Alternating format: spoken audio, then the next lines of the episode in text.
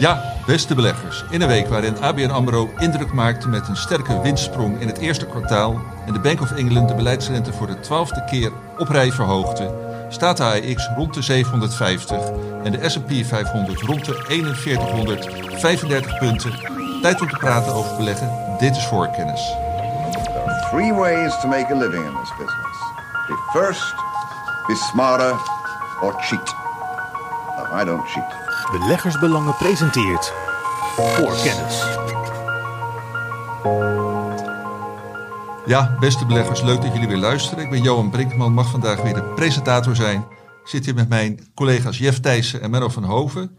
De laatste behandelt in het eerste hoofdonderwerp de beleggingsmogelijkheden in tandartsaandelen. U hoort het goed. Jeff gaat in op de vraag of het verstandig is om op voorhand te bepalen waar je als belegger wel of nee, juist niet in wil beleggen. Om zo zeeperts te vermijden. En beide heren tenslotte wijzen op een aantal verrassende uitschieters op de beurs dit jaar. Maar we beginnen met terugblikken. Jeff, wat is jou afgelopen week het meest opgevallen?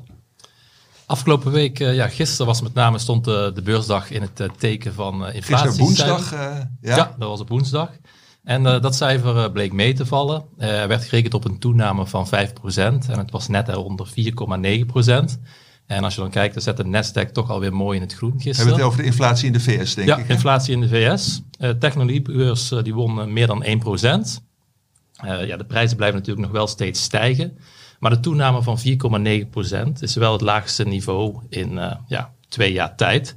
En dat voedt natuurlijk de speculatie, ja, met name voor gaat Jerome Powell dan stoppen met de renteverhogingen. Nou, als je kijkt naar de markt, de markt gaat er in ieder geval al zelfs van uit dat uh, ja, einde dit jaar al uh, zelfs renteverlagingen in het verschiet zitten. Dus dat is, dat is uh, spannend natuurlijk op de korte termijn. tegelijkertijd is 4,9% nog altijd hoog. de centrale bank ziet het graag dalen natuurlijk naar 2%. En, maar de komende maanden zal in ieder geval, lijkt erop, een ja, pauze komen, een pauzemoment in renteverhogingen. En dan is het wachten van, ja, heeft de centrale bank genoeg vertrouwen om dan uh, ja, de stap te maken naar renteverlagingen? Uh, ik denk dat gisteren het cijfer uiteindelijk weinig uh, heeft geholpen. Je moet toch echt een, ja, een wat forsere daling zien. Weinig heeft geholpen om de beurskoersen omhoog te krijgen. Ja, om in, wat meer duidelijkheid te hebben in ieder geval alvast als belegger. Want ja, het, het, daalt wel, maar niet snel genoeg. En ik denk dat ja, de centrale bank dit niet genoeg vindt om te gaan verlagen. Maar ja, dat is dus afwachten. Tegelijkertijd blijft het natuurlijk ook spannend, want ja, als die inflatie hoog blijft, dan ja, ook bedrijven die veel bijvoorbeeld actief zijn uh, in Amerika, die hebben daar natuurlijk ook last van, die druk blijft. En ja, dat kan impact hebben op de resultaten als ze die kosten niet kunnen doorrekenen naar, uh, ja, naar de consument. Uh, dus ja, beleggers zullen zich, ja, als het zo aanhoudt, ook steeds meer zorgen maken over de resultaten ja, op de korte termijn. Dus dat is eigenlijk ja, het stukje van ja, inflatie dat was een belangrijk punt. wat is mij nog meer opgevallen deze week? Uh, wat mij bijzonder is opgevallen is uh, natuurlijk de vergadering van aandeelhouders van Berkshire Hathaway. Die was uh, ja, afgelopen zaterdag. Ja. En dan kwamen weer tienduizenden ja, geïnteresseerden op af. Blijft toch ja, een fenomeen. Charlie Munger en Warren Buffett, 91 volgens mij, of 92 en 99 jaar, die stonden weer in de spotlight. En mijn collega Karel die heeft er ook een, ja, een artikel over geschreven. Dat zullen we in de, in de show notes plaatsen. Wat mij in ieder geval opviel was uh, ja, meer ook kijkend naar de cijfers. Ze hebben toch weer in het eerste kwartaal hebben ze het vrij goed gedaan. Als ik het even opzoek, dan zie ik ja, operationele winst stegen in het eerste kwartaal met 13 procent. Uh, ja, wat zeiden de heren er zelf over? Nou, de verzekeringstak die presteert nog steeds naar behoren. En ook de beleggingsinkomsten die blijven goed. Uh, geen reden dus, dus paniek bij, ja, voor paniek bij Berkshire Hathaway. En uh, ja, wat ook opvalt natuurlijk, ondanks dat uh, ze circa 130 miljard aan cash op de bank hebben staan, uh, ja, geen nieuwe transacties. Dus ja, ze zijn op dit moment niet aan het kopen. Dat was een jaar geleden natuurlijk heel anders, want ja, toen had je de inval in, in Rusland met, met Oekraïne. En toen waren er wel koopjes, volgens Buffett. Dus op dit moment ja, blijft dat cash op de bank staan. Natuurlijk niet helemaal, want ja, een van de stokpaardjes van Buffett is natuurlijk ook de inkoop van eigen aandelen. Dus in het eerste kwartaal hebben ze wel voor ja, enkele miljarden weer de, ja, de eigen aandelen ingekocht. Dat is natuurlijk positief nieuws op de lange termijn. Want ja, als je aandeelhouder bent, dan hoef je de toekomstige winsten met minder uh, ja, andere aandeelhouders te delen. Wat mij ook nog opviel, uh, ja, vond ik wel heel interessant, is dat ja, ze de positie in BYD aan het afbouwen zijn. Ja, kun je uitleggen wat uh, dat voor bedrijf is? Een Chinese autofabrikant. En uh, ja, dat is toch een positie die ze al heel lang aanhouden. En het lijkt erop dat ze, ja, Buffett staat erom bekend, niet per se van het spreiden, maar wel van het risico mijden. En dat ze die positie aan het afbouwen zijn, gewoon vanwege de geopolitieke spanningen. ja, dat ze daarmee het risico willen verkleinen van die positie. Uh, in het bijzonder deden ze daar ook een uitspraak over, over TSMC, uh, ja, de bekende chipbakker. Uit uh, Taiwan. Taiwan. ja, die positie die hadden ze niet al te lang geleden ingenomen. En Buffett staat er feitelijk vaak onbekend van, nou, als ik iets koop, dan hou ik het echt voor een enorme lange periode aan. Maar daar hebben ze alweer volledig afscheid van genomen. Ook ja, met het verhaal de geopolitieke spanningen. Het risico is te groot, ondanks dat het ja, in feite volgens hun een ja, fantastisch bedrijf is. Het risico is te groot dat China daar uh, wat gaat proberen in uh, Taiwan. Ja, inderdaad. En dat je dan tegen ja, een flinke koersverlies uh, aanloopt. ja, ondanks dat het dus een ja, heel goed bedrijf is en ook heel goed geleid door het management. Wat is mij dan nog ja, meer opgevallen? dat is ja, dat Buffett wel nog actief blijft toch in Azië. En dat is natuurlijk, ja, daar zitten ze meer in Japan. Dus Japan is een beurs waar toch schijnbaar behoorlijk wat koopjes te vinden zijn, volgens hem. Lage waardering en veel bedrijven hebben ook nog een behoorlijke cashpositie achter de hand. Dus daarin voelt hij zich meer vertrouwd dan in ieder geval, ja, lijkt het er op dit moment op, China, Taiwan. Uh, dan nog een ander punt wat mij was opgevallen, is meer uh, ja, een wat grappiger uh, punt, vind ik zelf, is ASML. die, daar kwam wel wat grappig nieuws voorbij, is dat ze een, ja, een halve straat in, in Veldhoven hebben opgekocht. Dus ja, gewoon mensen hebben uitgekocht van hun woonhuis en daar hebben ze natuurlijk fors voor betaald. Dan zie je in de lokale bladen zie je al meteen staan. Van, die jij allemaal volgt als nou ja, ik woon zelf in de regio Eindhoven, dus ja, ik krijg dat allemaal mee. En dan staat er meteen, ja, mensen gaan natuurlijk zoeken op, op kadaster. Ja, wat is er dan voor betaald? En dan blijkt toch wel, ja, voor bijvoorbeeld een bepaald huis, ja, twee keer ja, wat het ongeveer waard is. Dus ja, ik denk, in, het in, in een bepaalde interviews werd ook gezegd van dat ja, de gesprekken goed waren tussen beide partijen. Ja, dat geloof ik ook wel. Als ze twee keer ja, de waarde betalen. Dus ja, iedereen werkt er mee. En ja, zo kunnen ze weer misschien wellicht een stukje maar, grond ja, voor weer een nieuwe fabriek. Erbij te krijgen om ja, wat uit te bouwen, inderdaad. Ja, ja. En nog meer huizen. Uh, mensen moeten allemaal weer op zoek naar een ander huis, toch? Ja, en ondertussen blijven de, de cabines uh, waar mensen tijdelijk kunnen wonen, die, uh, die blijven staan vanwege ruimtegebrek, las ik ook van de week. Maar ja, ja, inderdaad. Dus ja, dat viel mij vandaan op. Ja, en als we het toch over ASML hebben, ik zag nog wel een hele grap, ja, niet grappig, maar toch wel een heel mooi uh, bericht uh, voorbij komen via WhatsApp. Abonnees van Beleggersbelangen die kunnen via WhatsApp de optietips volgen van, uh, van Hildo. Ja, en ja, toch wel een compliment voor hem, want hij had toch een, een hele mooie optietip weten te sluiten op ASML, die eigenlijk eind december had ingenomen. er was een optiecontract en ja, die had hij voor, voor 12,50 per contract weten te sluiten. Dat is 1250 euro. En uh, ja, die was nog niet enkele maanden geleden ingenomen voor 3,80 euro, 380 euro per contract. Dus ja, dat is nog eens een, een mooie winnaar. Ja, nou ook, uh, ook die gaan we in de show notes zetten. En uh, Hildo, als je luistert, complimenten van Jeff en, en ook van ons. Ja, inderdaad. Oké, okay. nou dankjewel. mooi gevarieerd aanbod, Jeff. Menno, heb jij daar nog wat aan toe te voegen? Ja, dat wordt lastig, maar Nee, ik heb ook wel een aantal, uh, aantal puntjes. Uh, sommige echt nieuwsgerelateerd, andere die ik gewoon tegenkwam in de voorbereiding ook op deze podcast. ja, actueel vandaag natuurlijk Disney krijgt een, een harde klap. En ja, niet geheel verrassend, het komt weer door het hele streaming gebeuren. Ik ben zelf een beetje allergisch voor het, voor het hele streaming. Iedereen wilde wat mee doen hele grote markt, maar ook heel veel eh, partijen, heel veel concurrenten. En ja, dat streaming is toch een beetje de molensteen om de nek van Disney. Hoort een heel mooi dividendaandeel. En ja, nu al het geld gaat naar streaming. De parken doen het uitstekend. Parken, daar hou je meer van dan van de streaming. Ja, nee, absoluut. Dat, ja, en en dat is dus ook mijn bruggetje. Want twee weken geleden of een week geleden schreef ik een tip terugblik over SeaWorld. Naar mijn idee was de koers onterecht achtergebleven. Nou, ze kwamen met cijfers van de week, de koers sprong omhoog. Uh, want die pretpark, ja, het is eigenlijk heel simpel. Er komen gewoon steeds meer mensen naartoe. Uh, die geven steeds meer uit. Uh, de kaartjes worden elk jaar duurder. Natuurlijk, de kosten stijgen ook. Maar dat weten ze allemaal goed eh, te managen. Dus eh, ja, SeaWorld eh, g- draait gewoon heel goed. En eigenlijk ook die parken van Disney. Alleen dat streaming, dat brengt gewoon het aandeel eh, continu omlaag. En ja, dat vind ik zelf heel zonde. Ja, Ja, ja, dat Disney, dat vind ik ook wel een lucratief businessmodel. Want ik ben zelf met mijn kinderen recent naar Disneyland geweest. En dan, eh, ja, dan sta je dus in een rij en dan staat er van ja, drie uur wachten. Of je kan dan Ja, een pasje ja. kopen en dan kun je zeg maar linksom, eh, ja, binnen tien minuten ben je aan de beurt. Maar dat kost natuurlijk, ja, daar betaal je forse bedragen voor.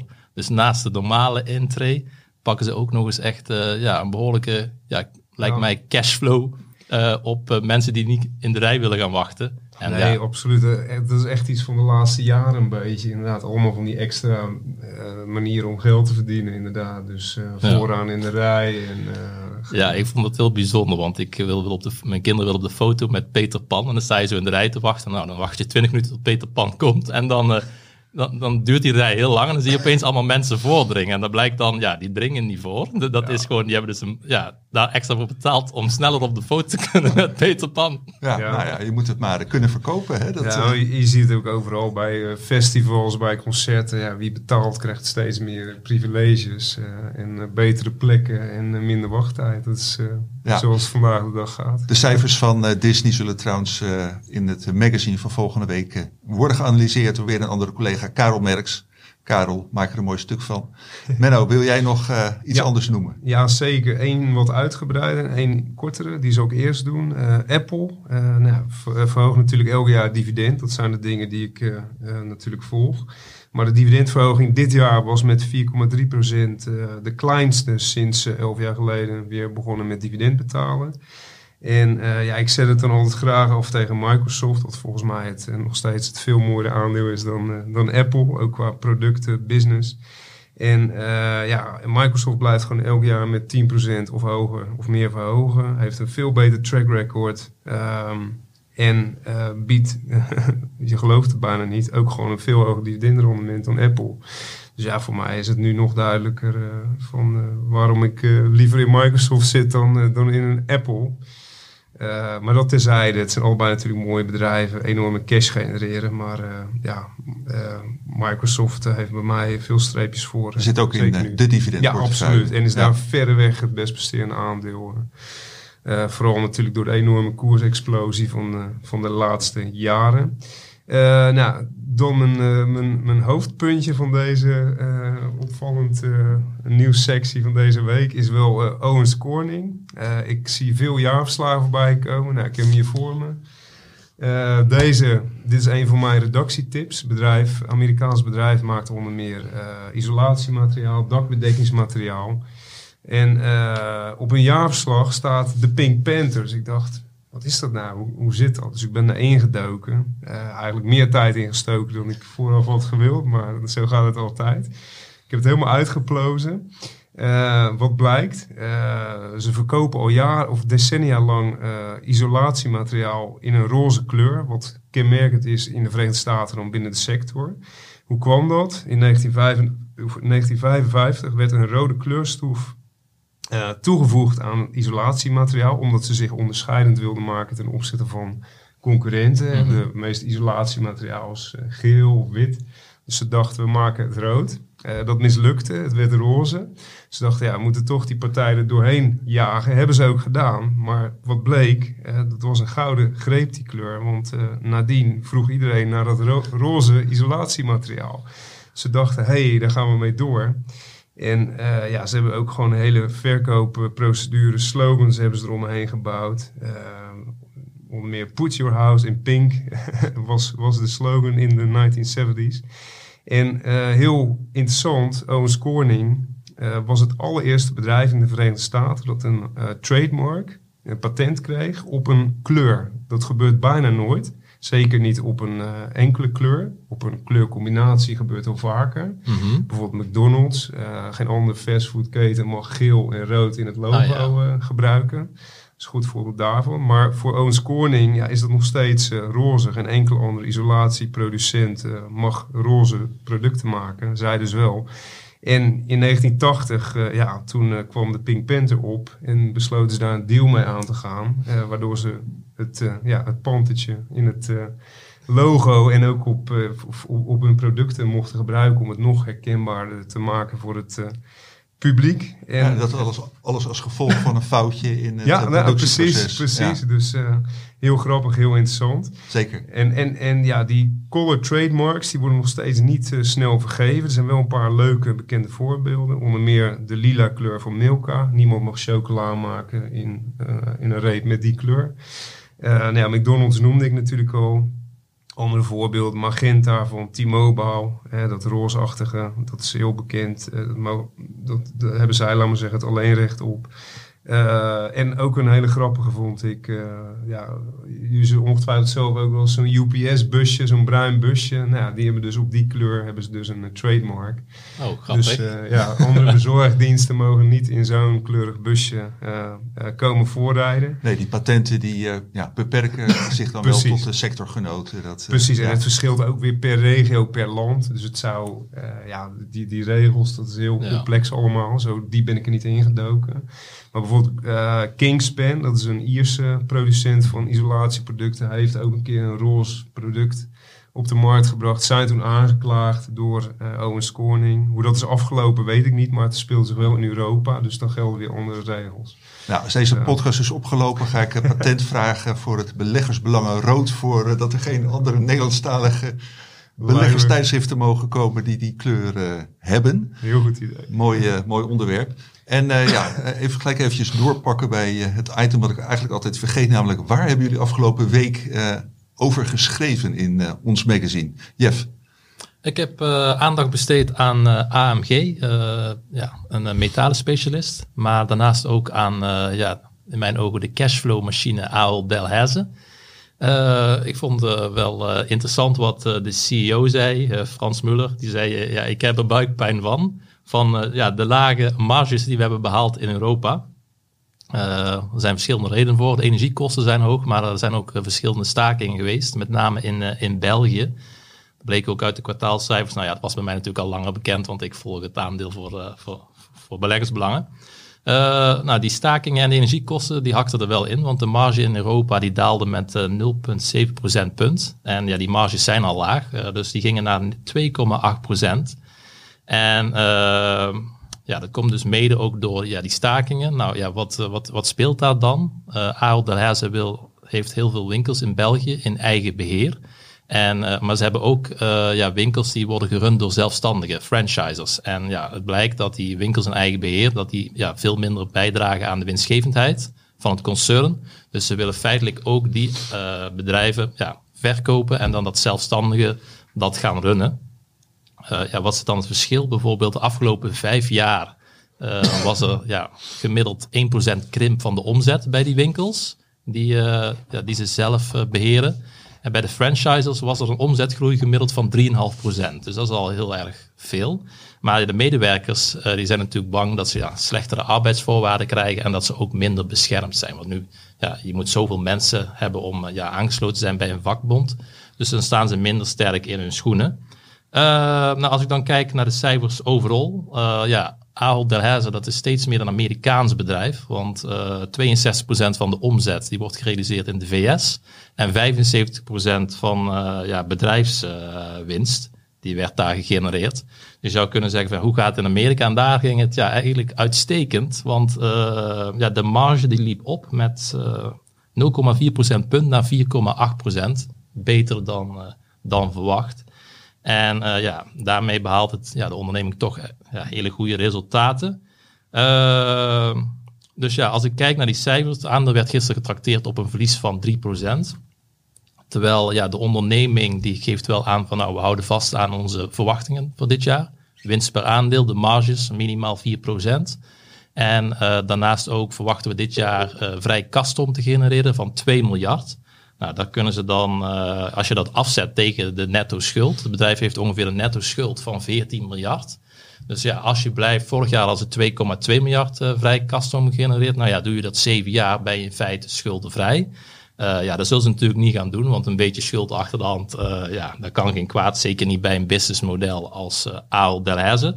Maar als je dan 2 miljard cashflow genereert en als je nu kijkt naar netto schuld EBITDA verhouding van ja, hoe staat het tot de financiële positie ervoor? Die zit circa 2. Uh, dus ja, dat is op zich uh, wel redelijk, uh, zit goed in elkaar. Dus ze kunnen 2 miljard ook ja, doorsluizen, doen ze dan ook. ongeveer 1 miljard gaat jaarlijks naar dividend. Dividendrendement ligt nu op 3,4 procent. Daarnaast kopen ze ook eigen aandelen in. Dus er loopt nu nog een inkoopprogramma eigen aandelen van 1 miljard. In het eerste kwartaal hebben ze volgens mij ongeveer 205 miljoen al ja, teruggekocht. Dus dat is ook weer een stukje, ja, de toekomstige winst hoef je dan met steeds minder mensen te, ja, te delen. En uh, ja, ze hebben ook het geld, stroomt voldoende binnen om dat, uh, om dat te doen. nou, ik vind het nog steeds wel een uh, ja, interessante belegging. Met name ook in het oog van ja, even nadenken. Ja, de marges zijn inderdaad slecht op dit moment in Europa. Overal zijn de cijfers toch nog goed. En uh, ja, de winkels die zijn inmiddels in België allemaal weer open. Dus ja, het probleem van het eerste kwartaal, uh, ja, als, je dat door, als je dat even eruit filtert van ja, wat de impact daarvan was, dan zou je kunnen zeggen, ja, eigenlijk zijn de marges beter dan, dan, dan vorig jaar. Uh, en ja, het bedrijf heeft echt wel nog steeds ja, prijszettingsmacht, naar mijn mening, op de lange termijn. Ze hebben de laatste jaren veel geïnvesteerd in het, in het vernieuwen van de winkels. Daar plukken ze nu de vruchten van, ook met het winnen van marktaandeel. Uh, ze hebben ook nog een leidende positie natuurlijk altijd hier met uh, bol.com online. Uh, dat is toen die beursgang is niet doorgegaan. was gewoon echt een, even een tijdelijk slecht beursklimaat. Maar er komt een dag natuurlijk dat het beter is. En ja, de kans is dan aannemelijk dat ze apart naar de beurs gaan brengen. ja, als ik dan kijk naar som der delen analyse van ja, wat is de supermarktketen waard, wat is bol.com waard, dan denk ik nog altijd wel dat het bedrijf minstens 35 euro per aandeel zou moeten, moeten zijn. Dus ik zie toch nog wel ja, wat, wat opwaarts potentieel voor ja, een koopadvies. Uh, ja, of in ieder geval stevig te behouden. En uh, ja, ik kijk ook altijd graag even naar wat heeft een aandeel de laatste tijd gedaan. Uh, het is natuurlijk best, heeft best goed gepresteerd, Ahold, de afgelopen tien jaar. Een gemiddeld rendement van 13 procent. En dat is zeker niet slecht als je het vergelijkt met bijvoorbeeld de AX-index. Die, zit, ja, die zit toch wel 3 procentpunt, 2 procentpunt daaronder. Dus uh, ja, al met al uh, ja, hebben de beleggers het, het, aandeel een beetje laten corrigeren, 3%. Maar uh, ja, als je een beetje doorheen kijkt, toch nog wel ja, voldoende reden denk om enthousiast te zijn. Oké, okay, heel mooi. En we gaan het artikel in de show notes zetten. Menno, jij kort iets waar jij afgelopen weken over geschreven hebt? Uh, nou ja, we hebben natuurlijk wekelijks uh, beurs, uh, beurzen in beeld, als ik het goed uitspreek. Nieuwe rubriek, ja. Precies. althans, dit jaar, sinds dit jaar, ja. Precies. Hij heeft ook veel raakvlakken, voor mij althans, altijd met onderwerpen die ik in de podcast uh, bespreek. En dit keer uh, heb ik gekeken naar het aandeel ST Lauder, uh, een groot cosmetica bedrijf uit de Verenigde Staten. En ja, terwijl bijvoorbeeld een L'Oreal het fantastisch blijft doen op de beurs, ja, is het, gaat het bij ST Lauder helemaal niet goed. er was al verwacht dat de omzet zou, zou krimpen. Uh, nou die outlook hebben ze uh, neerwaarts bijgesteld. Ze verwachten nu een omzetdaling van 10 tot 12 procent in 2023. Ja, en die beurskoers die klapte gewoon met uh, 20 procent in elkaar. Wat eigenlijk wel ongekend is voor een dergelijke binnen de sector zo'n bedrijf. Uh, ze betalen wel weer dividend. Uh, hebben het tijdens corona tijdelijk uh, geschrapt. Ehm, ja, en als je dan gaat kijken en je zet het af tegen een L'Oreal dat het gewoon veel beter doet bij een all-time high, noteert, et cetera, dan zou mijn keuze wel duidelijk zijn. En ja, toevallig ook bij ST Lauder kwam er uit mijn hoofd begin deze week het bericht dat de activistische belegger, en dan moet ik even het artikeltje erbij de activistische belegger Nelson Peltz. Nou, die van veel, ja, vooral binnen de consumer staples sector, uh, veel bedrijven heeft hij zich al uh, mee bemoeid. Uh, die zou de boel willen gaan opschudden. Later werd dat weer ontkracht. ja, dit is, dit, dit is gewoon een aandeel wat, wat alle kanten opschiet. En ja, waar je dan, als je dan toch binnen die hoek wilt beleggen, kun je toch beter voor L'Oreal gaan. Wat gewoon nog goedkoper is en een hoger dividendrendement biedt. Beetje hetzelfde als uh, Microsoft, Apple. Uh, daar heb ik wel een duidelijke voorkeur. Helder uh, verhaal, Menno. Het is, het is duidelijk, dankjewel. voordat we naar het eerste hoofdonderwerp gaan, heb ik nog even één ding te zeggen. In de podcast van vorige week is een poll gezet. Althans, Hilde Laman heeft de poll op Twitter gezet. En de vraag luidde: moet een analist of adviseur bij een koopadvies uh, dat hij of zij geeft voor een aandeel zelf het aandeel ook hebben of gaan kopen? Uh, nou, u hebt daar massaal op uh, gereageerd. Het antwoord is ja, zegt 60,5%, nee, zegt 39,5%. Bedankt voor de deelname.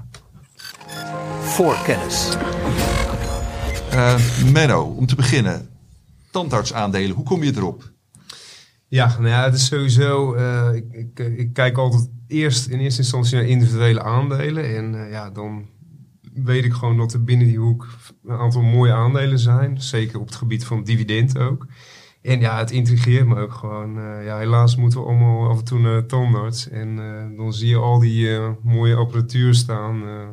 En eh, er staan vaak ook namen op. Ja, dat is voor mij een trigger om te kijken van kan ik daarin beleggen. En Nou eh, ja. ja, zo kom je al gauw op een nieuw eh, onderwerp. Dus, dus dat eigenlijk. Ja, nou, perfect. Ja. Vertel, wat heb je erover kunnen vinden? Ja, sowieso eh tandartsmarkt of de dental market is een groeimarkt eh, voor de lange termijn. De wereldwijde, dus echt alles bij elkaar, tandartsmarkt was goed voor eh, 39 miljard omzet in eh, 2022. Naar schatting groeit dat door tot 64 miljard eh, in 2029. En eh, ja, ook voor de dental equipment. En daar vind je de meeste beursgenoteerde bedrijven in, die hoek. Eh, ja, is er gewoon, zijn de groeivooruitzichten heel goed. Eh, de markt groeit van, nou, wat ik kon vinden, ruim 6 miljard eind 2021 naar eh 12 miljard in 2030. Dat is, dat is de verwachting althans. Dus dat is eh, bijna 8% groei per jaar voor die markt, wat gewoon heel mooi is.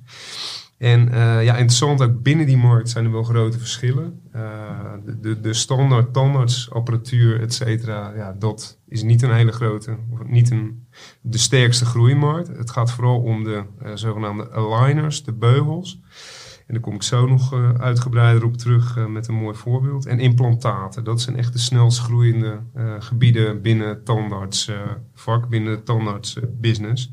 En er zijn ook een aantal aandelen die zich daar echt in specialiseren.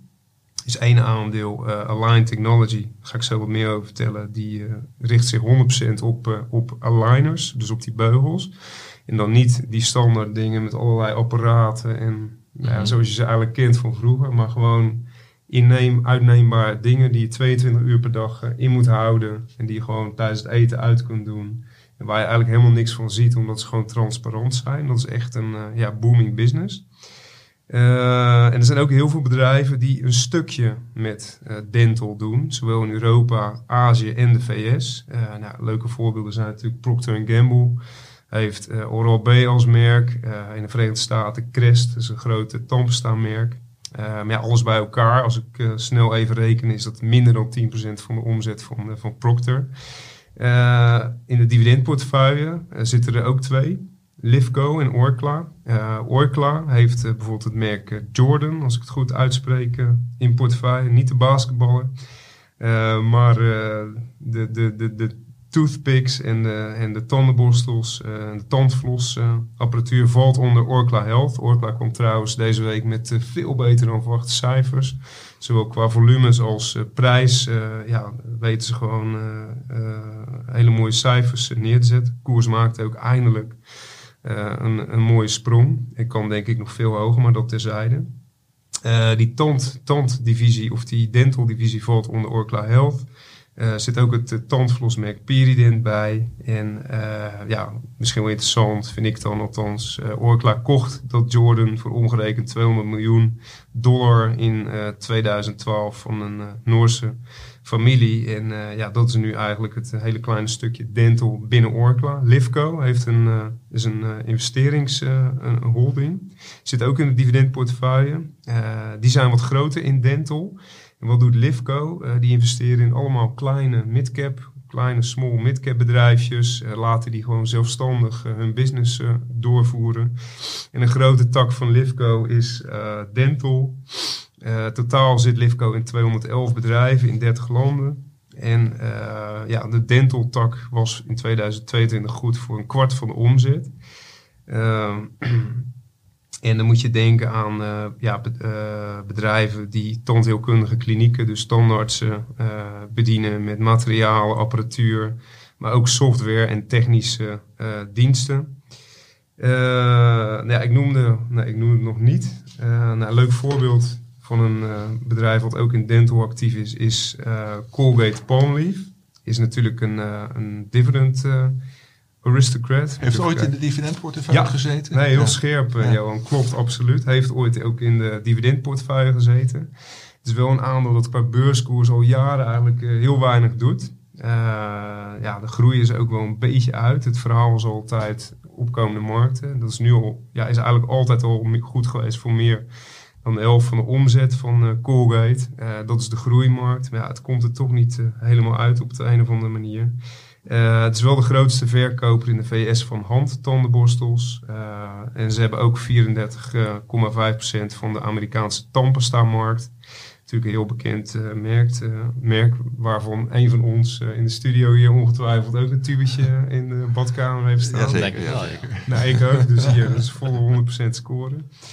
Dus eh, nee, het- verder is het een heel mooi bedrijf. Dividend gaat 60 jaar op rij omhoog. Maar de dividendgroei ja, zwakt heel erg af de laatste jaren. En het is bovendien nog steeds een relatief hoog, eh, hoog eh, gewaardeerd aandeel. Met een KW van 25 voor dit jaar. Maar ja, wat bij dit aandeel wel altijd geldt, is dat ze een overnamekandidaat blijven. Komt elk jaar wel een paar keer terug op verschillende lijstjes.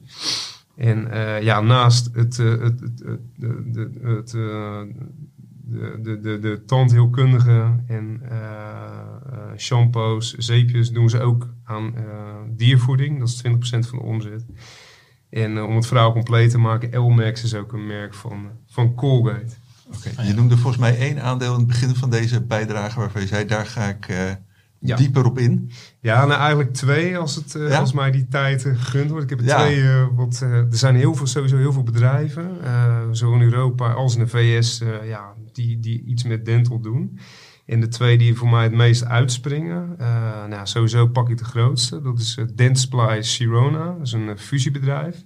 Is qua dividend, ik zeg niet de mooiste belegging, maar wel het mooiste dividendaandeel. In de zin dat ze gewoon elk jaar dividend met dubbele cijfers verhogen. Dat al decennia lang eh, dat, ze al dividend betalen. Eh nou, Dentsply Sirona, wat ik zei, grootste fabrikant van professionele tandheelkundige producten en technologieën. Eh 64% van de omzet wordt buiten de Verenigde Staten eh, behaald. Eh, ze noteren onder tickersymbool X-Ray. En dat komt van Dentsply, waarmee Sirona is gefuseerd. Die maakte vooral van die röntgenapparatuur die je natuurlijk ook bij de tandartspraktijken nodig hebt. En ja, dit is een aandeel wat echt wereldwijd actief is. Europa is goed voor een groter omzetdeel dan de Verenigde Staten met 40%. En eh, ja, de groei is niet spectaculair. Eh omzetgroei is ook 2 tot 4 procent per jaar. Begin mei werd wel de outlook nog eh, verhoogd. Operationele marge 15 procent. Is redelijk, is niet aan de bovenkant van, van de sector. Ik kom zo bij mijn andere voorbeeld met eentje die nog hogere marges weten te re- realiseren. En het interessante aan dat Dentsply Sirona is, al kijk je ook in het jaarverslag, dan eh, hebben ze het over de groeimarkten, wat ik aan het begin al noemde, eh, als orthodontie en implantaten. Eh, maar ja, bij een Dentsply is orthodontie, dus die beugels, is maar goed voor 8% van de omzet. Implantaten 16%. Eh, dus de rest komt uit minder snel groeiende, minder interessante dental gebieden. Is niks mis mee, maar ja, dit stippen zij echt aan als de groeimarkten. En er zijn dus aandelen die 100% dan wel in implantaten, dan wel in die beugels zitten. Eh, nou, een Zwitsers bedrijf, Straumann, eh, is eigenlijk volledig actief op het gebied van de implantaten. Dat is ook een heel mooi aandeel. Maar daar ga ik verder niet over praten. Het is ook een heel duur aandeel trouwens. Eh, een ander heel interessant aandeel vind ik. Dat is je eh, tweede voorbeeld. Ja, precies. Dat is Align Technology. Die Eh, noemde je, ja. ja. Precies, die zie je, nou, als je de S&P 500 een beetje volgt, zie je hem eh, nou, misschien wel 10, 20 keer per jaar bij de grootste stijgers of dalers. Het is echt een, een snel groeibedrijf met, met hele wisselende resultaten. Wat doen zij? Ze maken de zogenaamde Invisalign beugels. Wat ik al zei, eh, doorzichtige beugels die je gewoon kunt uitnemen. eh, die je 22 uur per dag eh, minimaal in moet hebben. Je kunt tijdens het eten gewoon uitdoen. Kun je tanden poetsen, doe je ze weer in. Mhm. Je houdt ze s'nachts in. En hoe werkt dat systeem nou? Dat is echt gewoon, ja, de, ik wil niet zeggen de revolutie, maar dat is wel hoe het tegenwoordig gaat als je een beugel nodig hebt. En al die grote spelers die zetten op deze, deze, deze beugelsoort in, laat, laat ik het zo noemen. Ja. Ehm, wat doe je? Je gaat naar een specialist van Invisalign. Nou, er zijn gewoon ook in Nederland uh, orthodontisten die een opleiding hebben gevolgd, die dat product kunnen uh, leveren, kunnen uh, inmeten, et cetera. Je gaat erheen, er worden allemaal 3D-fotoscans gemaakt en op basis daarvan ontwerpen ze een, zo'n zo'n beugeltje. Mhm. En ja, die moet je dan vier tot zes weken, als ik me goed heb laten informeren, moet je die in, dan ga je weer terug. Dan wordt weer gekeken hoe de tandstand zich heeft ontwikkeld. En dan maken ze weer nieuwe voor, zodat het steeds meer de richting op gaat zoals je het wilt hebben. Ja. En het voordeel van die dingen is dus, ja, wat ik eigenlijk al zei, je, je kunt gewoon inhouden. Je ziet het bijna niet. Makkelijk schoon te maken. Uh, je hoeft veel minder vaak naar uh, de orthodontist. Het is minder pijnlijk, wordt ook gezegd. En ja, Align is dus 100% actief op die markt. Het is best een groot bedrijf ook. Beurswaarde van 23 miljard. Um, ze, moet even doorbladen nou, in mijn, in mijn aantekeningen. Zo'n behandeling duurt standaard 12 tot 18 maanden. En ja, het is een aandeel wat nog enorm veel groeipotentie heeft. Ze hebben jaren van dubbelcijferige groei erop zitten. Tijdens corona, ja, wat je wel bij meer bedrijven zag, exploderen echt die omzet. Dat uh, betekende wel dat vorig jaar de omzet licht daalde, omdat iedereen uh, ja, geld over had, tijd over had, massaal dat ging doen. Maar de komende jaren, ja, in principe wordt wel verwacht dat de omzet weer met dubbele cijfers verder blijft groeien. En de marktpotentie is ook enorm. Uh, in ontwikkelde landen uh, beginnen jaarlijks 21 miljoen mensen uh, met een beugelbehandeling. En daarvan ja, de meeste nog op de ouderwetse manier, zoals wij die ook van vroeger uit onze eigen jeugd al lichten kennen. Niet de meest prettige manier, ook niet de meest praktische. En van al die 21 miljoen starts zouden er 90% ook met zo'n Invisalign uh, product behandeld kunnen worden. Dus de potentie oh, ja. Uh, ja. is enorm. En daarnaast zijn er 500 miljoen mensen die wel een beugelbehandeling zouden kunnen gebruiken. Hè. Ik denk ook aan mezelf. Zou ook nog wel het een en ander bijgesteld kunnen worden. Maar je doet het niet. Uh, ja. Deels door kosten, deels door gedoe. Maar ja, als mensen, kijk, ik, ik zie dit product nu. Ik heb wat video's bekeken. Ja, het ziet er best heel goed uit. Ik zou dat zelf ook wel eens willen proberen. Of in ieder geval me erover laten informeren. Ja. Menno, uh, dit, dit, dit onderwerp en deze aandelen, wil je daar nog in het magazine binnenkort een keer aandacht aan besteden? Of, uh? Nou, zeker, zeker. Ik, uh, sowieso deze markt voor een omslagverhaal, dat lijkt me uitermate geschikt. En ja, dan kan ik ook nog een paar andere leuke aandelen die we hier nu niet bespreken erbij pakken. Zeker ook mooie dividendaandelen. Dus daar gaan we zeker nog een keer... Ja okay. terugkomen. Goed, ja. als je het niet erg vindt, dan uh, nee, onderbreek ik je nu, want dan gaan we naar het volgende hoofdonderwerp. Ik heb het tel voor kennis. Want uh, we praten hier vaak over wat je moet kopen, maar minder vaak praten we over wat je niet moet kopen. En uh, daar heeft Jeff zich over gebogen. Wat kun je daarover zeggen, Jeff? Ja, klopt. Uh, nou ja, voordat ik dan echt in het onderwerp duik, je hebt al een goede inleiding gegeven. Ja, wil ik even tijd uh, teruggaan bij mijn, uh, toen een van mijn eerste werkgevers, Bing Bank. Daar werkte ik nu toen. En dat is inmiddels overgenomen door Saxo. Maar ik weet dat ik een van de, de trainingen bij woonde van een van de beleggingstrainers. En die zei dat feitelijk als je als beginnende belegger, ja, dan stap je in ja, hij vergeleek het met, met voetbal. Stap je meteen in de Champions League. Dus ja, hoe denk je dat je van een professional kan, kan winnen? Jij gaat iets kopen en aan de andere kant zit iemand die dan aan het verkopen is. Uh, dus ja, dat klopt ook wel. Heel veel mensen die beginnen vaak pas op een wat oudere leeftijd. Je hebt je bedrijf verkocht of je gaat met, uh, je bent net met pensioen. Je hebt tijd en je gaat beleggen en je stapt feitelijk als amateur uh, ja, het veld op. maar als je dan wat, ja, wat langer meedraait, dan, ja, dan kom je er misschien wel achter dat ja, de particuliere belegger toch wel ja, behoorlijk een aantal voordelen heeft ten opzichte van uh, ja, de professional. En uh, ja, ik wil een aantal opnoemen om uh, ja, bij zeg maar beginner of bij je ook al ervaren om ja, het aan te geven van ja, wat, is dan, ja, wat zijn nou echt die, die voordelen. nou, ik heb hier een paar opgesomd. Laat ik even het, het, het rijtje afgaan. Ehm Eén daarvan is natuurlijk sowieso, ja, als particuliere belegger heb je niet te maken met die hele hoge kosten tegenwoordig meer. Uh, de, de prijzen voor om te beleggen, de transactiekosten zijn enorm gedaald. En de professional, ja, die, die, die heeft een, uh, ja, een duur kantoorpand nodig. personeel, nou, die willen allemaal een bonus, die willen allemaal een auto van de zaak. Daar loopt enorm op. Dus ja, qua kosten heb je natuurlijk al ja, een mega voordeel ten opzichte van, uh, van de professional.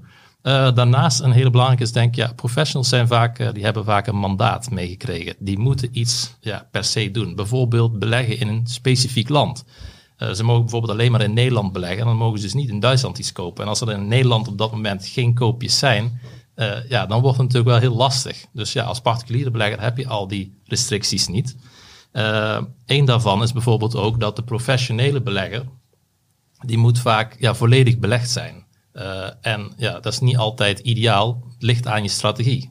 Kijk, als je een strategie hebt waarbij je ja, aandelen hebt geselecteerd die heel veel cashflow genereren, die ook uh, ja, onbekend staan dat ze ja, veel eigen aandelen inkopen, of uh, telkens het dividend verhogen, dan zou je kunnen zeggen van ja, als, als de koersen dalen, dan is dat positief. Want ja, dan gaat het bedrijf nog meer die cashflow aan het werk zetten om eigen aandelen in te kopen. En hoeft toekomstige winsten met minder te ja, verdelen met, meer, met minder aandeelhouders. Maar heel vaak is het ja, niet ideaal om uh, bij heel veel strategieën om volledig belegd te zijn.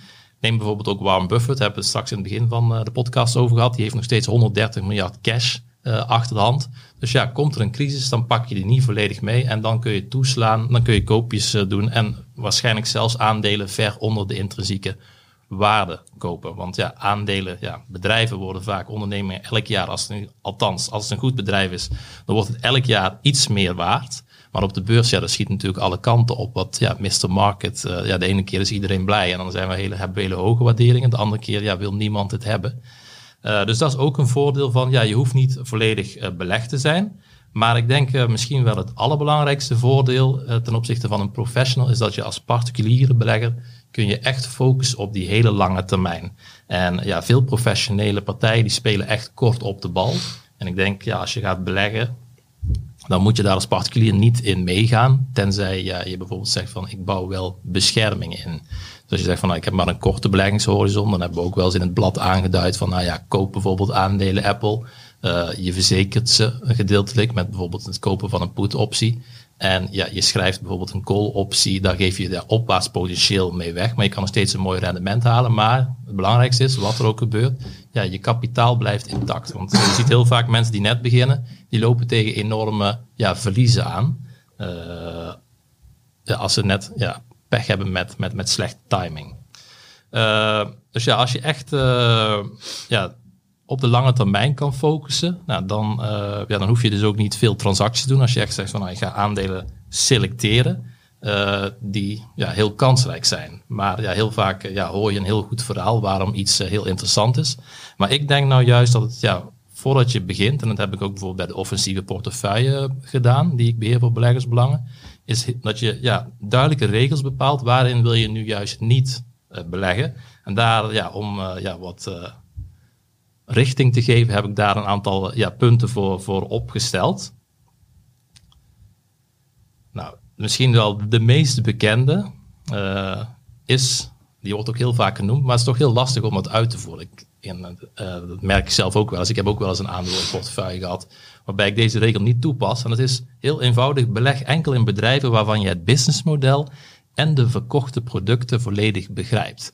En uh, ik denk als ja, ook menig luisteraar, als je toch in je effectenportefeuille kijkt, dan betrap je er zelf op dat je waarschijnlijk toch een aandeel hebt waar dat niet zo is.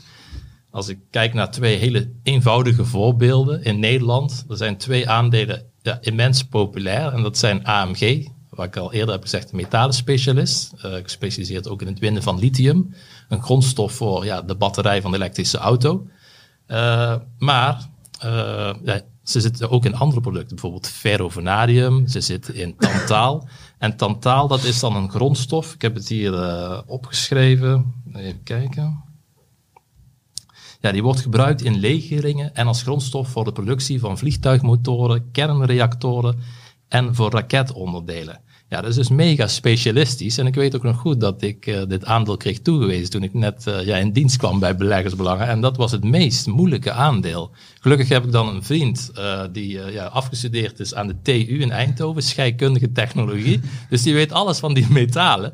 Ja, welke zijn nu ja, echt schaars?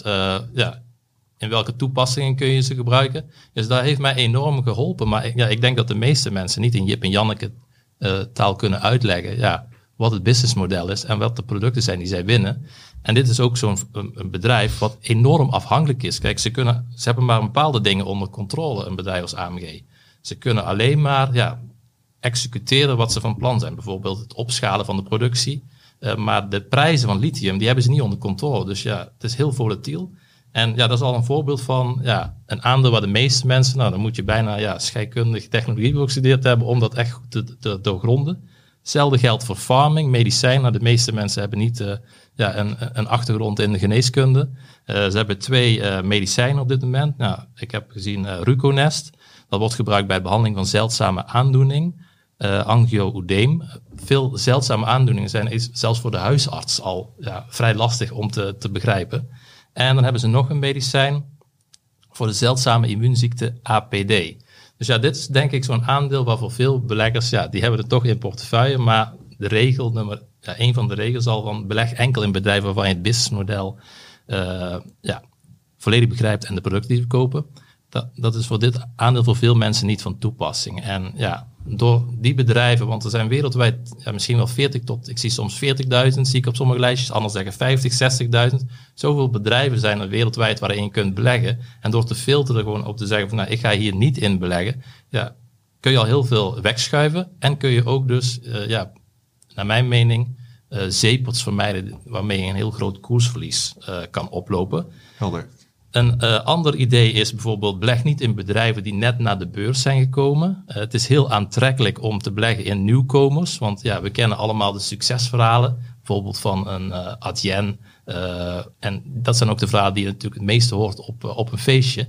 Maar ja, vaak blijkt toch, in ieder geval ook uit onderzoek, dat in de eerste paar jaar dat de rendementen van dergelijke nieuwkomers vaak tegenvallen. En er is ook wel een logische verklaring voor ja, je brengt een bedrijf pas naar de beurs op ja, het ideale moment. Dat je zoveel mogelijk kan ontvangen als zittende aandeelhouder. Want je verkoopt feitelijk een gedeelte van je bedrijf aan nieuwkomers.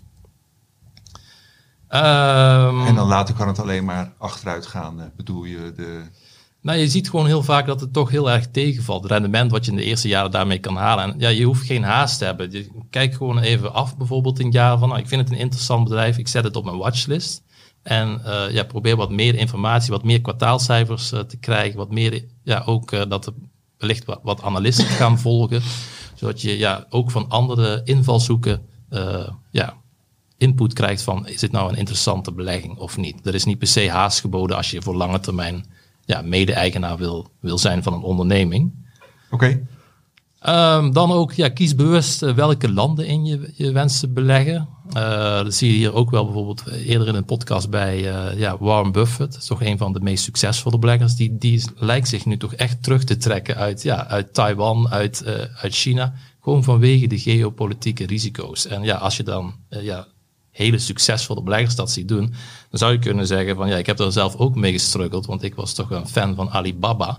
Dan denk je van ja, dit, dit aandeel dat blijft maar dalen. Komt niet per se door de prestaties, maar met name dat ja, beleggers zijn steeds minder bereid. De waardering neemt enorm af. Ja, Chinees Google, uh, zeg maar. Of, uh, ja, dat is, ja, het is meer een e-commerce platform. Amazon. Dus, ja, Amazon. Dus je hebt uh, Baidu, dat is dan de ja, nee, ik vergis het. Chinese Google. Ja. En ja, dus dan zou je ook al een regel kunnen zeggen van, nou, daar ga ik dus niet, niet in beleggen. dan heb ik nog een paar andere punten. Dat is uh, ja, beleg enkel in bedrijven die ook daadwerkelijk omzetgroei en winstgroei halen. Ik had een, uh, recent nog een onderzoek gezien van Morgan Stanley, echt over een periode toch van 20 jaar in de S&P 500. Dat uh, ja, na, als je echt zegt van nou, mijn onderscheidend vermogen als particulier belegger, ik kan echt focussen op de lange termijn. Dan blijkt dat ja, een grootste gedeelte van het rendement komt toch ongeveer volgens mij 75 tot 80 procent komt tot stand door ja, omzetgroei en winstgroei. Uh, ja, en dan de waardering op de korte termijn is dan ja, toch heeft een veel lagere impact. Uh, dus ja, laat zulke bedrijven dan wellicht links liggen. Dus als ik, uh, ja, als ik denk aan bijvoorbeeld in Nederland, je hebt bijvoorbeeld TomTom. Nou, dat is toch al een bedrijf wat al jarenlang ja, geen omzetgroei weet te behalen, omdat ze disrupt zijn door ja, bijvoorbeeld Google Maps. Uh, dan een ander punt. Beleg niet in bedrijven waarvan je het management niet vertrouwt. Uh, ik denk dat je daar ook een hoop uh, zeepots mee kunt, kunt vermijden. En dat is ook een van de redenen waarom ik recent het advies heb verlaagd op BNS Groep. Omdat ja, die blijven maar toch maar ja, struggelen, vind ik. Ze hebben nu een nieuwe CEO aangesteld, terwijl de andere CEO die, die ging al weg. Uh, omdat hij de schijn ook tegen had. groot aandeelhouder had hem een, een hypothecaire lening verstrekt om daar een woning mee aan te schaffen. En dan ga je zeggen van ja, dan krijg je toch belangenverstrengeling. Dus hebben ze nu een nieuwe CEO aangesteld. Die heet Van Mierlo. En die vertrok in 2020 bij de Nederlandse ontwikkelingsbank FMO naar klachten over intimiderend gedrag. En ik had even gekeken ook naar de Volkskrant die, en een bepaald radioprogramma, Argos. Die zeiden ook dat ja, de topman die voert daar jarenlang een schrikbewind. Ja, er zijn genoeg keuzes op de beurs. er zijn tienduizenden bedrijven ja, om een zeepel te voorkomen zou je kunnen zeggen van nou, ik moet wel vertrouwen hebben in het management. En dergelijk aandeel laat ik links liggen.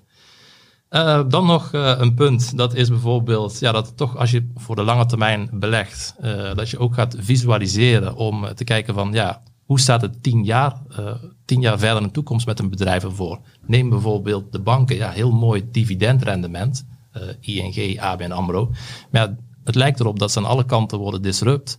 Je hebt Adyen, die echt ja, heel mooi businessmodel heeft, wat de banken in feite ook zouden kunnen doen. Je ziet bijvoorbeeld laatst ook in het nieuws Apple.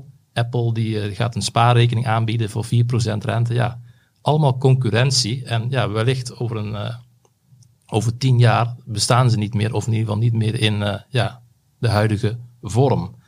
Ehm, ja, een logische lijkt mij, ja, is je bedrijf als je zegt van ik ga dit kopen en ik ga het voor de lange termijn op de plank leggen, dat het ja, op zijn minst beschikt over sterke merken, over, over een competitief voordeel.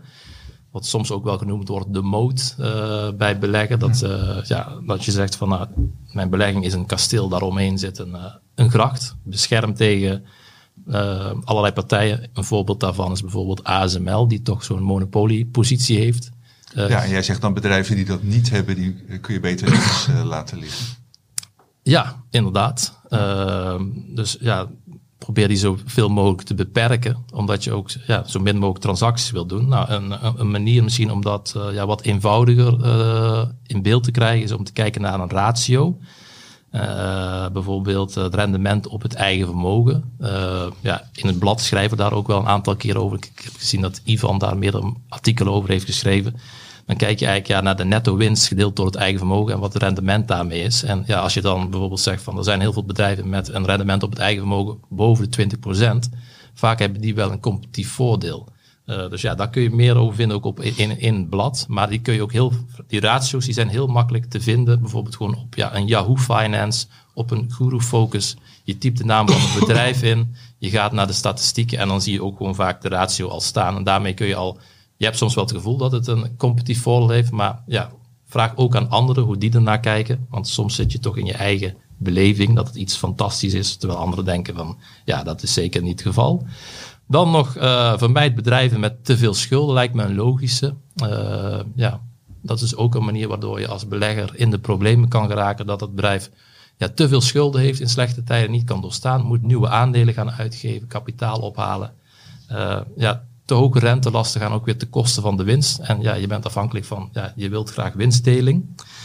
Nou, er zijn heel veel punten. Er zijn er ja, natuurlijk nog veel meer, veel meer, maar die passen niet allemaal in de podcast. Maar als ik dan kijk naar even kort in de praktijk naar de offensieve portefeuille, ja, waar beleg ik dan niet in? Nou, dat is bijvoorbeeld eh, in banken. En waarom beleg ik dan eh, ja, zelf persoonlijk niet in banken als die beheerder? Ja, dat is gewoon punt één. En dat is ja, begrijp je volledig de business. En ja, ik zie banken soms toch wel echt als een soort van hedge funds. Uh, je parkeert er uh, ja, ja, 10 euro en ze geven 100 euro uit, uh, bewijzen van. Dus dat is een extreem leverage. Het gaat alle kanten op. En ja, de ene kant, de ene keer gaat het wat slechter, of ze verwachten dat het slechter gaat, dan moet er een stroppenpot gevuld worden. Daarna blijkt het toch allemaal wel weer mee te vallen. Dan wordt die stroppenpot, ja, die komt dan weer eens, opeens vrij. Uh, als je ook kijkt gewoon onder de motorkap, allerlei moeilijke derivatenconstructies, gewoon heel lastig om te analyseren. Daar kan je enorm veel tijd in, in stoppen, maar ik denk dat dat gewoon een fulltime job is. Als je alleen dat, dat wil doen. Uh, en daarnaast, ja, ook als je kijkt over tien jaar, ik denk dat ze gewoon helemaal disrupt worden uh, door allerlei andere partijen. bijvoorbeeld, ja, wat ik al noemde van Apple, die biedt ook rente aan.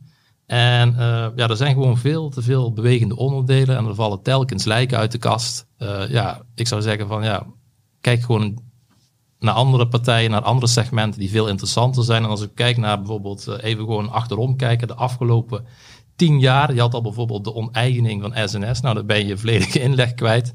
Dat is natuurlijk een enorme domper op je totale rendement. Nou, als ik kijk naar sinds 2015, want ja, op dat moment hebben we pas weer de koersinformatie van ABN AMRO.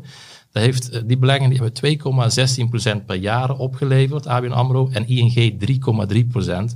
Nou ja, dat is natuurlijk in, ja, enorm contrast met ASML, bijvoorbeeld 30% per jaar. Of ja, een, een, defensief aandeel als Ahold levert toch ook ja, sinds die periode 10% op. Dat is een drievoud van, ja. ja van ING. En ja, waar belegde de offensief portefeuille nog meer niet in? Dat zijn bijvoorbeeld uh, pure bouwbedrijven. Kijken we echt naar de laatste 15 jaar, dan heb je echt periodes gehad van hoogconjunctuur. En op dat moment kunnen ze zelf niet ja, een goede boterham verdienen. Blijkt toch iedere keer dat ze je project aannemen, veel te lage marges. En dan, uh, ja, dan komt er een tegenval, de kosten worden overschreden en dan zit je in plaats van winst, zit je opeens met verlies. Uh, dat heb bijvoorbeeld bij BAM gehad. Nou ja, uh, verschillende, bijvoorbeeld met de afsluitdijk problemen. Je hebt bij Heijmans gehad, projecten aangenomen tegen lage marges. En ja, waardoor je meteen opeens in, de, in, in het verlies loopt. En ook als je die ja, rendementen kijkt, gewoon achterom even in de spiegel van de afgelopen tien jaar, die zijn ook gewoon heel teleurstellend ten opzichte van andere bedrijven, bijvoorbeeld een Ahold, een AX-index. Uh, wil niet zeggen dat het niet interessante aandelen kunnen zijn voor korte ritjes. Kijk, wij in beleggersbelang geven ook adviezen voor 12 maanden. Soms kan iets extreem opeens uh, ja, gedaald zijn, waardoor je denkt van nou, hier krijg ik toch echt wel waarde voor mijn geld. Maar als je zegt van nou ja, ik weet waar mijn kracht ligt als particuliere beleggers, lange termijn, zo weinig mogelijk transacties doen, want hoe meer transacties doet, gaat vaak ten koste van het rendement. En dan zou je kunnen zeggen van nou, ik ga die aandelen laten gewoon links liggen en ik selecteer andere bedrijven. En één daarvan is bijvoorbeeld ook uh, ja, dat uh, de offensief portefeuille belegt niet in biotechnologiebedrijven. Gewoon van ja, ik ben geen, uh, geen dokter. Ik heb geen medische Nee, het verhaal. Ja, en ja. De, die bedrijven laat ik links liggen zo. En daar tracht ik mee zoveel mogelijk ja, dompers ja, te voorkomen. Ja, nou volgens mij lukt dat in ieder geval dit jaar behoorlijk goed, Jeff. Maar dat weten de abonnees en niet-abonnees, die kunnen daarachter komen op een bepaalde manier. Klopt. Um, ik uh, wou naar het derde hoofdonderwerp gaan. Voorkennis. Hebben we niet zoveel tijd meer voor gezien uh, uh, dat het twee zeer interessante, uitgebreide andere hoofdonderwerpen waren. Maar toch even een paar uitschieters noemen dit jaar op de beurs. Menno? Ja, nou, ik kijk altijd uh, lijstjes met aandelen die de hoogste koers ooit zetten. En uh, ja, vaak zie je daar uh, namen die niet heel erg verrassend zijn. Noem een Cintas, eerder behandeld in de podcast, Eli Lilly, PepsiCo, McDonald's, Dekkers Outdoor. Eigenlijk allemaal aandelen die al voorbij zijn gekomen. Maar eentje die ik gisteren zag en nu eigenlijk vandaag opnieuw met een all-time high... is het aandeel Valvoline met het hele mooie tickersymbool VVV is een aandeel wat ik jaren geleden volgde, omdat het toen afgesplitst werd van een ander uh, bedrijf, Ashland uh, Global.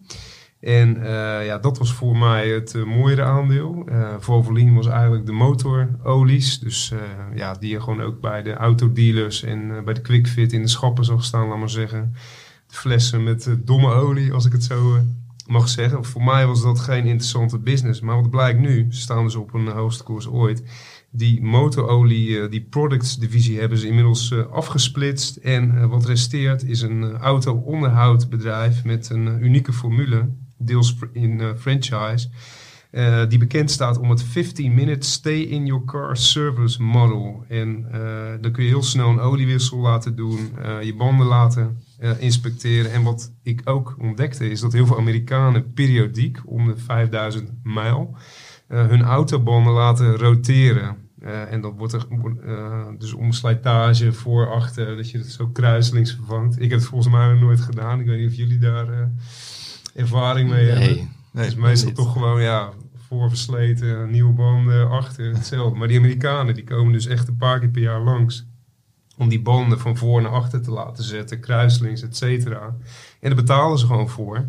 Uh, allemaal om, de, om die duur van die banden te verlengen. En ja, er wordt ook gelijk een uh, inspectie van de auto gedaan. door eh, dat Valvoline. En eh, ja, er wordt eh, grof geld mee verdiend. Doet mij een beetje denken ook aan eh, Carglass. eh, Oh ja. Dieter, waar jij natuurlijk eh, heel veel al over hebt eh, geschreven. Echt een heel succesvol eh, bedrijf, succesvol businessmodel. Ja. Eh, en dat Valvoline, ja, ze hebben enorme groeiambities. Ze doen overigens alle automerken, ook elektrische auto's. Eh, ze profiteren daarbij van het eh, groeiend aantal auto, ou- ouder wordende auto's en ook complexere auto's. Hebben ze alle producten en kennis voor in huis om daarmee te helpen. De Amerikaan gaat niet standaard naar zijn dealer toe, zeker niet bij oudere auto's. En ehm, ja, wat blijkt dus, eh, ze willen dus enorm doorgroeien. Ze zitten nu op eh, 1781 vestigingen in Canada en de VS. Willen door naar eh, 3500 eh, of meer vestigingen op lange termijn. Dus eh, het groeiverhaal is nog eh, lang niet eh, in zicht of ten En einde een eh, voor dit. mooie uitschieter op de beurs Ja, eh, dit jaar. absoluut. Ja. Ja, Heb jij er ook eh, eentje, Jeff? Eh, ja, ik zag deze week eh, zag ik een eh, analistenrapport voorbij komen van ja, een koersdoelverlaging. En ja, dat is een van de aandelen die ik zelf heb ge- getipt als een tip van de week.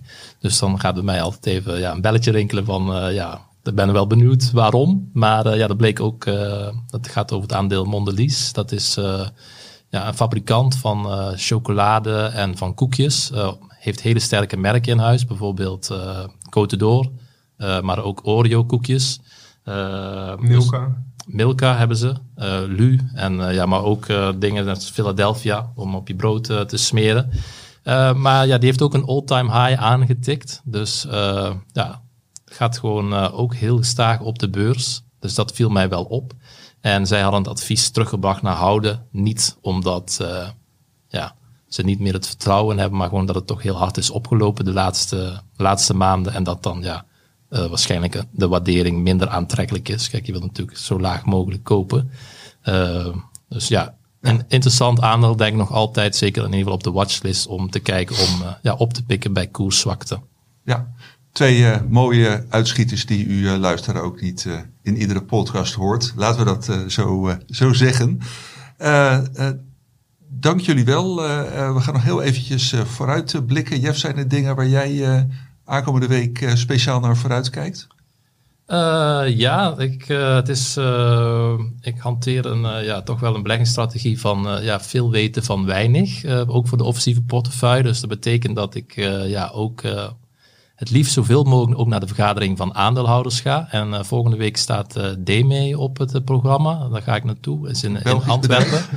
Ja, klopt. Uh, Baggeraad, maar ook ja, actief in ja, heel veel verschillende interessante activiteiten gerelateerd aan de energietransitie.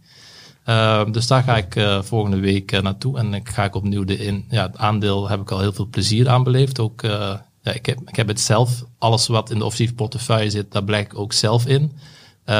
maar ja, zowel persoonlijk als de portefeuille heeft er al heel veel plezier aan gehad. En ik ga dan ja, volgende week woensdag de investment case opnieuw ja, af. naar aanleiding van ook eventuele vragen die ik kan, kan stellen. Om te zien of, er nog, ja, of ik nog steeds positief over blijf. Ja, helder. Menno, heb jij weer uh, dividend mededelingen waar je naar vooruit kijkt? Of, uh, ja, ja ik, ik, had eigenlijk niks waar ik naar vooruit kijk, maar ik had even de tijd om wat op te zoeken. Dus ik heb er inmiddels wel één. En dat is uh, Achco, zit natuurlijk in de dividendportefeuille, de tractorfabrikant. Ja. Gaan morgen ex-dividend voor het gewone dividendje van 29 cent. Flink verhoogd dit morgen jaar. vrijdag 12 ja, mei. Precies, ja. 12 mei. En volgende week, en dat is uh, het echte grote ding, op 18 mei.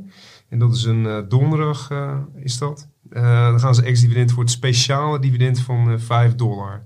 Ja, is toch lekker op een koers van nu 125. Dus voor ja. de dividendportefeuille ja, tikt dat aardig aan. Dus daar kijk ik wel naar uit, ja. Dat het binnenkomt. Hartstikke goed. Uh, dank jullie wel, uh, Menno. Dank je wel, Jeff. Dank jullie wel, luisteraars en kijkers, uh, voor het luisteren en, en kijken.